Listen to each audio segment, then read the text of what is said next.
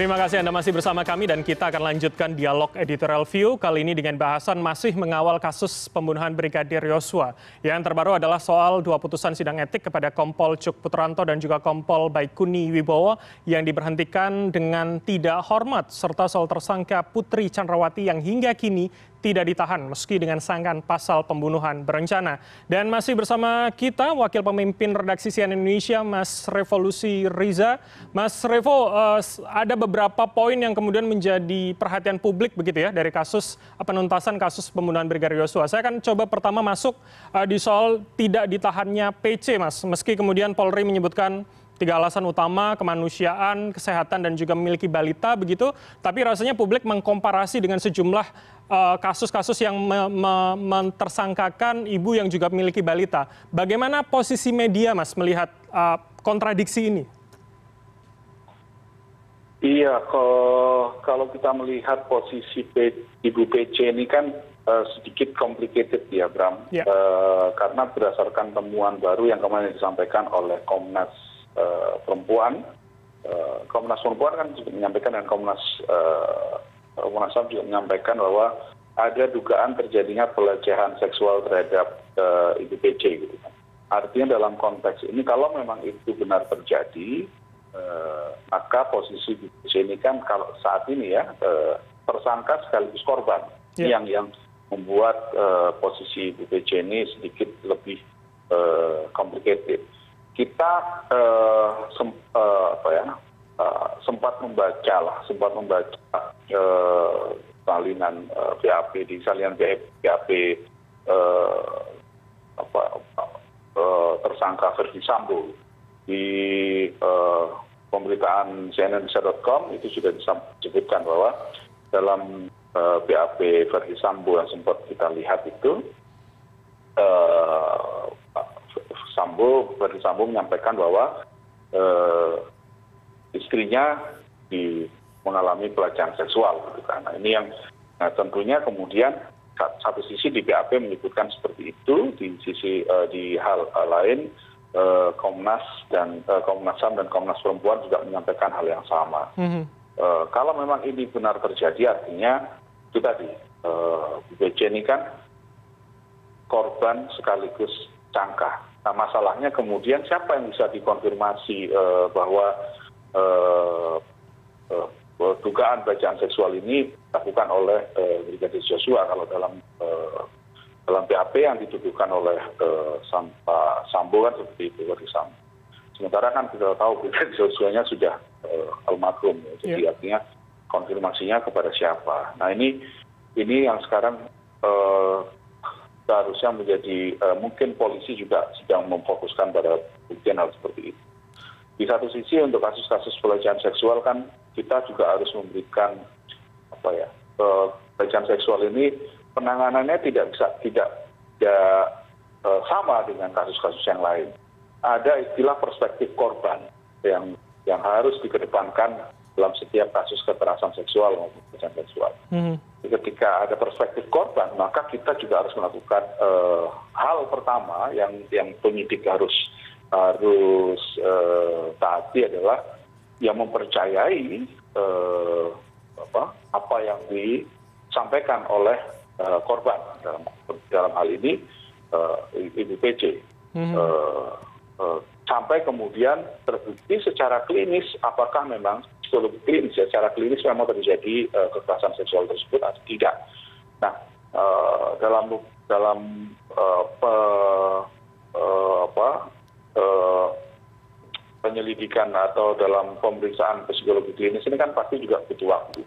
Ini yang yang kemarin akhirnya memang kan kita melihat ada banyak pertanyaan yang belum sebelum uh, beberapa hari kemarin ini uh, ketika Komnas dan uh, Komnas Perempuan melakukan konferensi pers di uh, sore hari Baik. Ketika rekonstruksi kan, kenapa misalnya Bu PC mengenakan tidak mengenakan rompi orange misalnya, kemudian tidak ditahan.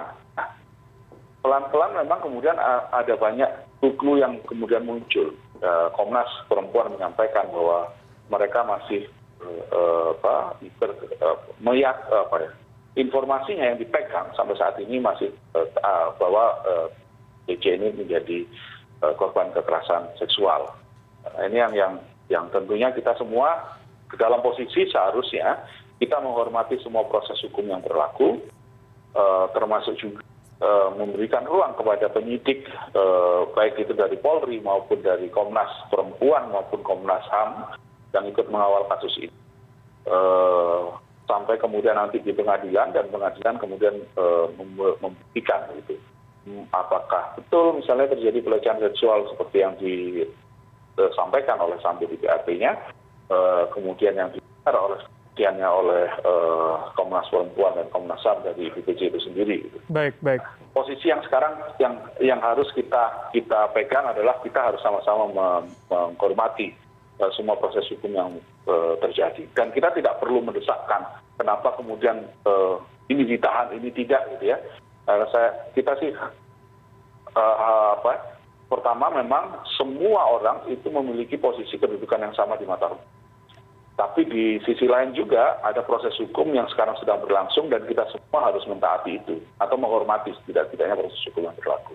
Baik, baik. Artinya kemudian apakah uh, tidak ditahannya PC atau kemudian tentu ini menjadi diskresi dari penyidik seperti yang dikatakan oleh Ilwarsum Polri begitu, Mas Revo. Apakah kemudian ini bisa menjadi momentum publik juga uh, jika terjadi kasus serupa yang melibatkan misalkan tersangka seorang ibu yang milik balita untuk kita sebagai publik dan media mengingatkan polisi untuk kemudian ini bisa menjadi salah satu hal uh, pertimbangan untuk penangguhan penahanan. Seperti apa, Mas? Ya itu tadi saya saya sebenarnya begini bram. Uh, kalau semua orang itu berkedudukan sama di mata hukum ya dan kemudian diperlakukan sama di depan hukum kalau memang alasannya adalah uh, uh, apakah benar ibu PC ini tidak ditahan karena memiliki anak balita misalnya seperti -hmm. itu kan ada anak-anaknya kalau alasan itu yang dikemukakan selama ini kan alasan itu ada dikemukakan. Kita sih berharap sebenarnya polisi transparan saja apa sebenarnya terjadi Eh, karena kalau misalkan yang disampaikan adalah eh, karena memiliki anak toh faktanya banyak sekali eh, orang yang tetap ditahan walaupun dia punya anak. Dan kalau misalkan kita melihat beberapa lembaga pemasyarakatan juga banyak sekali ibu-ibu yang mengasuh anaknya di lembaga pemasyarakatan. Jadi artinya kalau memang berkedudukan sama di mata hukum seharusnya ini yang diterapkan kan ya udah sama. Baik baik. Ini tapi apakah ada hal lain? Nah ini yang yang sebenarnya kita sih berharapnya semua di secara transparan saja. Termasuk juga motif sebagainya itu dibuka. Kalau kita sampai menunggu pengadilan bisa aja. Kalau memang polisi atau penyidik meminta kita sabar ya sabar kami menunggu di pengadilan uh, akan dibuka uh, semuanya. Tapi saya Baik. pikir Eh, pasti ada hal lain lah kenapa eh, yang sedang kita eh, sebaiknya polisi menyampaikan saja sebenarnya kenapa kok misalnya tidak ditahan. Apakah ada fakta-fakta lain? Baik, kita kawal sembari menunggu begitu ya Mas, bagaimana kemudian penyidikan dan harapannya tentu tidak menjadi PR, apalagi sebentar lagi akan dilimpahkan ke kejaksaan. Mas, terakhir ini terkait dengan poin kemudian ada beberapa perwira yang kemudian sudah Eh, dijatuhi sidang etik begitu pdth eh, bagaimana kita media juga bisa mengawal terkait dengan tiga perwira lain yang yang masih akan direncanakan uh, mengikuti sidang etik pada minggu depan, Mas. Seperti apa?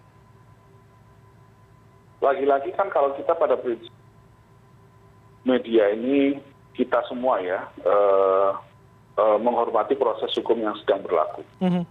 Eh, semua yang disidangkan pada kasus etik ini tentu polisi atau uh, tim yang dibentuk oleh kepolisian untuk menangani kasus ini memiliki integritas yang cukup ya.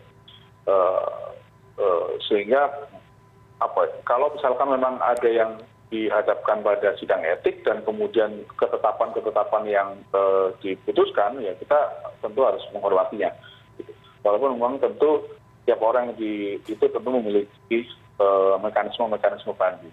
Jadi proses hukum jalani saja. Nah sekarang kan yang yang yang, yang kita uh, ada dua hal. Mereka yang terlibat pidana dan mereka yang terlibat etik uh, apakah dari sekian puluh atau delapan puluh sekian orang yang saat ini disidik gitu ya oleh tim khusus ini. Apakah semuanya akan masuk sidang etik? Kalau memang diputuskan oleh masuk ke dalam sidang etik ya tentunya kita semua harus menghormati termasuk juga mereka yang dihadapkan pada sidang etik ini sendiri gitu kan. Dan dan lagi-lagi seperti yang kita sampaikan di editorial view sebelumnya ini semua memang harus menjadi momentum bagi polisi untuk melakukan pembenahan. Dan sidang etik inilah salah satu salah satu cara untuk melakukan pembenahan pembenahan itu. Mereka yang dianggap etiknya tidak lagi sesuai dengan garis polri ya maka harus turun di stasiun terdekat kan gitu kan. Tidak bisa lanjut sebagai anggota polisi. Dan kalau memang itu yang sudah diputuskan ya maka semuanya harus menghormati baik ini menjadi momentum bersih bersih begitu ya bagi institusi polri. Dan kemudian dua poin menarik yang kemudian mas revo sebutkan adalah bagaimana kemudian kita sebagai media tentu harus menghormati proses hukum dan juga menempatkan setiap warga negara menjadi posisi yang sejajar di mata hukum. Kita akan lihat seperti apa kemudian dan terus mengawal bagaimana penuntasan kasus pembunuhan brigadir yosua baik secara hukum maupun etik di internal polisi. Terima kasih atas waktu anda mas revolusi riza wakil pemimpin redaksi cnn indonesia telah bergabung bersama kami di CNN Indonesia Newscast. Salam sehat selalu, Mas Revo. Salam sehat. Terima kasih banyak.